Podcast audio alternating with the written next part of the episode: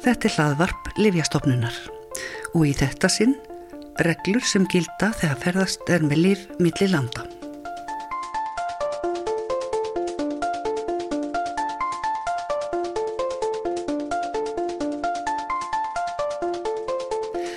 Margt þarf að hafa í huga áður en haldið er á staði ferðalag til útlanda. Þar á meðal að muna eftir nöðsynlegum livjum. Og ekki síður að glöggva sig á þeim reglum sem gilda þegar ferðast er með liv millir landa. Þær eru ímsar. Til að gera grein fyrir þeim höfum við beðið Viðar Guðjónsson, livjafræðing og eftirlitsmann hjá Livjastofnun að útskýra þetta fyrir okkur. Viðar, það er ekki víst að allir átti sig á að við tollskoðun gæti ferðalangur verið beðin um að gera grein fyrir þeim livjum sem hann hefur meðferðis. Já, það er heldur betur rétt og, og, og að mörgu að huga annars verið til hvers lands er verið að ferðast og, og hvaða liv, hvaða flokk liv er verið að ferðast með sem getur átt áhrif á lögumætið þeirra í viðkomandi ríki. Þannig að það er svona, já, við getum allavega svona sagt að það eru tveir þættir, það er annars vegar það land sem er að ferast til og svo auðvitað þegar verið að koma með lifina nýju til Ísland sem skiptir máli. Og hvernig gæti þurft að gera grein fyrir því sem það er með? Það er annars vegar hér á Ísland og við, við getum auðvitað bara svara til um okkar regluverk þá þarf að sína annars vegar eh, annarkvært læknisvottor eða, eða livseðilinn eða, eða með öðrum hætti sína fram á að, að þetta séur unn lögmætt liv og, og, og að hérna þeir hafa verið aflað með lögmættum hætti. En hvað eru svona mismunandi reglur millir landa? Er til dæmis ekki til dæmis samræmt á EES-svæðinu?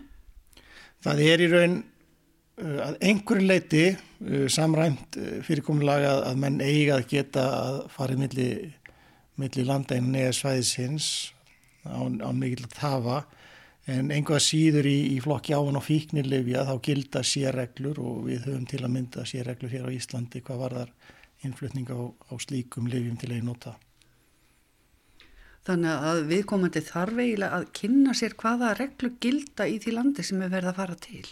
Já, í það minnst að menn eru með, með slíklif þá, þá er það mjög mikilvægt að menn, menn kynni sér Eh, annars vegar hversu mikið magn menn með að færast með og, og líka hvaða gögn þarf að hafa með sér í, í farteskinu ef upp kemur svo stað að menn þurfa að sína deili á, á slíkum gögnum. En uh, hvað með lausasölu lif? Er eitthvað, einhverja reglur sem gildu um þau? Að jafnaði að ef, ef keiftir lausasölu lif innan Európska efnaðsvæðisins að það sé nú hægt að færast með það hingað um, um svæðið en, en en svona þessar sérstöku takmarkanir gilda svona einna helst með, með þessi án og fíknilif annars eru tóllið vel ekki mikið svona undir í þessum hefðbundin livjum að, að skoða þau en, en það getur þú alveg komið til þess Skiptir máli að uh, lifin séu í upprunalegum umbúðum? Er það eitthvað, uh, eitthvað sem hjálpar? Það, það auðvitað hjálpar til við tólskoðun að, að hérna, það sé þannig. En auðvitað er, er fólk með fólk getur verið í skömmtun, velskömmtun þannig að það getur verið ímins máti á þessu en, en auðvitað ef uppkemur svo staða að, að menn eru auðvitað með einhverjar töflur í farteskinu þá, þá kann það að valda vandræði með menn eru að fara með til landa ef, ef, ef tóllið vildi vita ekki hvað, hvað lið þetta eru. En er þetta ekki yfirleitt uh, verða miða við að maður sé með liv til eigin nota og þá foreldra kannski með fyrir börn sín en ekki eitthvað umfram það? Jújú, jú, þessar sérstöku heimildi til innflutnings og lifum til eigin nota eru bundin við það að, að þetta séu liv sem að sjálfur einstaklingun er að fara að nota og hérna eftir atvikum eru tiltekin ákvæði sem snú að, að hérna postsendingum og lifum millir landa. Og innan Euróskapnaðarsvæðinsins eru þau heimil að undan skildum þessum lifum án og fík og hérna og, og svo þessi lif sem eru að misnota íþróttum það er að segja stera þau eru svona undaskilin þessar, þessar, þessari heimil til þess að flytja lif með posti með til landa. En þá eru auðvitað þriði aðilega að flytja lif með til landa fyrir einstaklingin en, en þetta eru auðvitað í afmörkuðum afmörkuðum magni í afmörkuðan tíma. Fyrst og nefni stera, er, má ferðast með í eigin farhangri e, e, stera sem er, er hægt að sína fram á að maður þurfa á að halda? Já, það má, má vera með magn sem samsvarar 30 dagamagni í farangri en það má ekki, ekki fá þau með, með posti til landsins. Og nú erum við bara að tala um, um lagumhverjað í Íslandi vegna þess að það er síbreytilegt og, og til að mynda er ekki gerðu greinamunur á, á slikum livjum í, í Danmörku sem dæmi. En hérna þannig að þessi, þessir þetta geta verið breytilegir mitt í land og, og, og mjög mikilvægt fólk kynni sér hvaða reglur eru gildi í hvaða landi. Ef við snúum okkur þá að því þegar fólk kemur heim aftur, hvaða reglur gildi þá um líf sem að uh, það er með meðferðis uh, það, voru, það voru breyting á reglugerði að setja nýja reglugerð, er það ekki? Já, það var það tók í gildi í novembru síðast ári nýja reglugerð um innflutning einstakling á lífum til einn nota og, og það voru gerða að gera breytingar og að einhver leiti um, jógst flækustíð örlítið Það er að segja að ekki engungu snýr þetta flokki livja heldur einni hvort að viðkomandi aðli er búsettur á Íslandi eða ekki. Það eru í raun aðeins, um, aðeins trengri rammin hjá þeim sem eru búsettur á Íslandi þegar kemur að innflutningi ávan og fíknir livjum með við þá sem er ekki búsettur á Íslandi. Það er að segja, ef, og svo kemur við bætist líka hvaðan livjana var aflað. Það er að segja ef, ef livjana var aflað í Erlendis þá var þá er innflutningsheimildin bundin við sjö daga nótkunn og, og en við bætist að það er ekki miða við nótkunn samkvæmt læknisáði heldur miða við svo kallaðan skilgreindan dagskamt. Þannig að þetta getur jafnvel verið en takmarkaðari heimild sem að gildir þá um, um innflutning á ávan og fíkni livjum heldur en þessi sjö daga regla. En ef við tölum fyrst um svona uh, almennt um líf sem að þarf lífi ávísum fyrir sem eru ekki ávana og fíknilíf, já, hvaða reglu gilda um, um að koma með slíklif inn til Íslands? Það eru nokkuð rúmar heimildir til þess uh, innan Evróska efnaðsvæðisins og þá, þá er miðað við í raun árskamt sem að fólk getur komið með. Þetta er, eru allskins fólksflutningar sem megja sér stað hérna mellir landa og fólk er að flytjast búferlum og, og getur viljað koma með byrðir til lengri tíma, það er að segja nokkra mánuði fram í tíman út af það veitur hún ekki hvað, hvað við tekur, aðgengi að læknum eins og við þekkjum takmarkað. Þannig að það, svo, svo heimild er nokkuð rúm, það er miða við árs skamt sem að, sem að fólk má koma með þegar um er að ræða þessi svo kallu almennu liv en svo eru þessar sérstöku takmarkanir á, á á þessum styrum og ávana og fíkni livjum. Ávana og fíkni liv, þetta eru strángari reglur og hver, já, hvers konar liv geta þetta verið? Þetta geta þetta verið liv allt frá tilteknum kvíðalivjum sem er, eru með ávana og, og fíkni hættu í för með sér yfir í allskins uh, verkjalið og önnu liv. Þetta er, þetta er svona dálítið viðfemt, en þau, þessi efni eru tilgreind í reglugjörð um áan og fíknefni og önnur eftirlits skild efni. Það er að segja hvaða efni eru í raun falla þarna undir. Þannig að þetta er svona uh, kannar einast flókið en, en fólk getur alltaf fengið upplýsingar í, í apotekinu sínu um, um, um þessi lif. Svo er líka hægt að fletta þessu upp í sérlifjaskránni og fara á liv.is og þar ef maður slærin heiti livsins þá stendur við ef að ef þetta er ávana og fíknilíf þannig að það er gott að huga því en hverjar eru þessa reglur með ávana og fíknilífin og að koma með þau til hinga til lands? Eh, það er eins og ég segi það, ef þeirra er aflað erlendist þá, þá gildir þessi sjötaga regla sem kann þó að vera þrengri vegna þess að sjötaga reglan er miða við þannan skilgreinda dagskamt frá allþjóða heilbreyðis málastofnunni. Þannig að þó svo að við komum til síðan kann að vera að taka hærri skamt en, en hefðbundið er og þá í raun eh, þrengist þessi rammi. Þannig að, þannig að rammin er nú ekki mjög rúmur til innflutnings á slíkum livjum nema þeirra hafi verið aflað á Íslandi og hér er einhvern að tala um þá sem eru búsettir á Íslandi. Það er að segja að þeir fara erlendis og koma tilbaka með, með liv þá er það 30 daga, daga skamtur. Ef er sem sagt farið út og haft með sér rúmlega af lifu, lifinu eða livjunum Já. og kemur með afgang tilbaka þá má það vera sem svarar 30 dögum. Já, 30 dögum annars er það 7 dagar. Já, svo, svo er líka hérna ákvæði um að ef að Livjana hefur afla ellendis og, og, og ferðalangurinn er með yfirlýsingu frá lækni um að það þurfi bráðnuðsynlega meira heldur en þessar sjö daga þá er hægt að gera undan þá.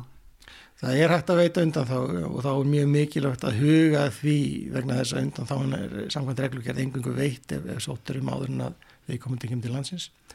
Þannig að það er mjög mikilvægt að huga að slíkum, slíkum ferðum með, með það í huga og þá þarf við raun að, að sína fram á að líf og helsu sé ógnað ef að við komum til færa ekki slík undan þá og þá er þetta þarf að horfa til líka þess að ef, ef við komum til líf fæst hér á Íslandi að, að slíkar undan þá er ekki veittar í slíkum tilfellum.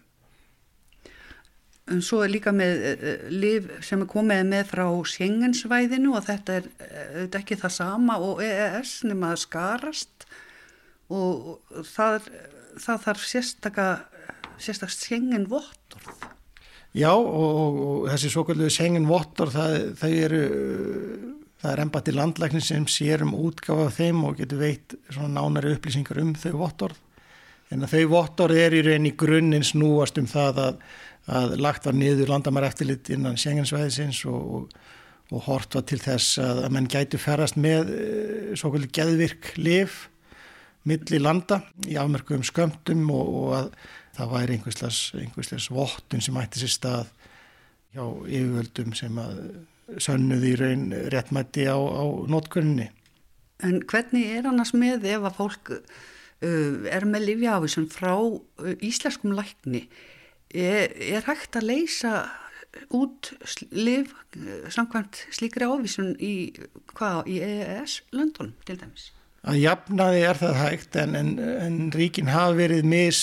Uh, hröði í það að, að, að samþykja erlenda livjávarsinir. Þýskaland var nú bara fyrir nokkrum árum að, að samþykja erlendar livjávarsinir þar að segja eh, innan ES-væðisins en þó með þeim takmarkunum að þar, þú getur ekki leist út á án og fíkniliv sem ávísiður af íslensku með erlendum lækni þar uh, innan Þýskalands en, og, og það er að sama hér á Íslandi að í raun gildi eh, ávísuna frá læknum með starfslifi innan ES-væðisins Eh, utan íslensku læknana er takmarkað við að, að það er ekki hægt að leysa út slík lif hér á landi. En, og hvernig, hvernig hérna, framvísa maður Livja ávísun sem að íslensku læknir hefur já, vísat á mann eh, hvernig sínum maður erlendum læknum það opnar maður bara heilsuveru? Nei, það er, það er enþá svo heimild að, að það sé ávísa lifjum á pappir það er bara ekki hægt að leysa út á hann og fíknilif á Íslandi á pappir lengur en, en en svona heilt á liti er pappirinn hann í gildi og enn sem komið er þegar verið að ferða snilli landa er hann auðvitað gildi hans meira heldur en uh, á þessum rafrænu lifi ávísunum en það er auðvitað verið að vinna í sameinlu umhverfi innan Evrópu á, á rafrænum lifi ávísunum en það tekur sinn tíma og, og meðan getur fólk fengið þennan pappis livseðil. Þetta er ansið markþættar reglur og þetta er daldið flókið en það er rétt að benda á síðu á vef livjastofnunar sem heitir innflutningur einstaklinga á livjum og þar er þetta allt tíundað og þar er meðal annars slóð á sjengenvottorðið þar sem er rétt að finna það. Og eins og áður var sagt ef mennir í vafum hvort tiltekki lifið er álvana og fíknilif þá er rétt að sjá það í sjálfjörskaráni liv.is og sláinn heiti livsins, þá stendur það skýrum stöðum. En annað sem að snertir uh, það að ferðast með liv millir landa, það er geimsla livja, þá er, er ég að tala um um að fara til til landa það sem er mjög heitt, mjög sólríkt, það þarf að gæta livjónum í slíkar kringustæður. Já, það er mjög mikilvægt að gæta geimslu skilirðum og, og, þar kemur þessi fagþekking apoteka inn í, inn í myndina. Þar eru þetta það fólk sem hefur hæfið til þess að veita upplýsingar um geimslu skilir í livja og, hvernig best er að búa um e, lifin í slík e, vegna slíkra ferðalaga og, og, og þá er um að gera að heyra apotekarnum sínum eða lifafræðingum sínum að, að með hvaða hætti og hvað ber að huga að. Þetta eru auðvitað mikla seplu sem geta þarna ráðið og sem lif eru viðkvæmar heldur en önnur lif sem lif geta verið mjög viðkvæm við, við hittastisbreytingum á meðan önnur eru stöðuri og, og því eru bara um að gera að afla upplýsingar frá lifafræðingum sínum í, í næsta apoteki. En er ekki líf sem að almenningur, sem er ætlast til að almenningur noti sjálfur, uh, eru þau ekki almennt með svona, já, freka hverstagslegt hýtastiks mark? Já, eins og ég segi, þetta getur verið breytilegt og, og það eru þetta líka til líf sem ber að keima við mjög stöðu þetta í, í, hérna, í lausasölu þannig að það er, myndi ég segja, ég myndi alltaf ráðleika fólki að, að, að leita ráða hjá sínum lífafræðing í, í þessum tilfellum. Svo er líka upplýsingar um þetta í fylgiseli, er það ekki? Jú, jú, það er upplýsingar um í raun geimslu skilirinn er, er að finna í, í fylgiselunum, svona að jafna því, en svo geta þetta komið upp einhver álitamáli eins og með, ég getum tekið sem dæmi, insulín, þá það kann að vera að hérna menn þurfa að búa eins betur um þau þegar verða að ferast til eh, heitari landa og, og einnig þarf að horfa til hversu lengi menn ætla að vera úti og þannig að þetta, þetta, er, þetta er breytilegt og, og, og hérna og mjög mikilvægt að ræða við fagfólki um, um þessa þætti og það hefur auðvitað eins og ég segi sitt starf að, að veita slíkar upplýsingar í lífabúðunum. En þetta með sólina, það, ef að menn er að fara á ströndinu og taka með sér líf, uh, þarf ekki að verja þið fyrir sólaljósi, er það ekki, getur það ekki haft áhrif? Jú, jú, sólaljósi getur haft áhrif bæði á stöðleika lifjana og svo er líka uh, líf sem að geta valdi í raun auknu ljósnæmi hjá viðkomandi aðila, þannig að þetta er svona, þetta kann að vera flóknara heldur en, heldur en að við fyrstu sín. Þá, þá ertu að tala um það að ef að fólk er að taka einhver tiltekin líf og er síðan útsett fyrir, já, miklu sólaljósi þá getur það haft einhverja aukaverkanir í þörfum sér. Það getur ekki það. Já. Það er kallað ljósnæmi. Ljósnæmi er það kallað, já. já. Og sem lif geta aukið ljósnæmi.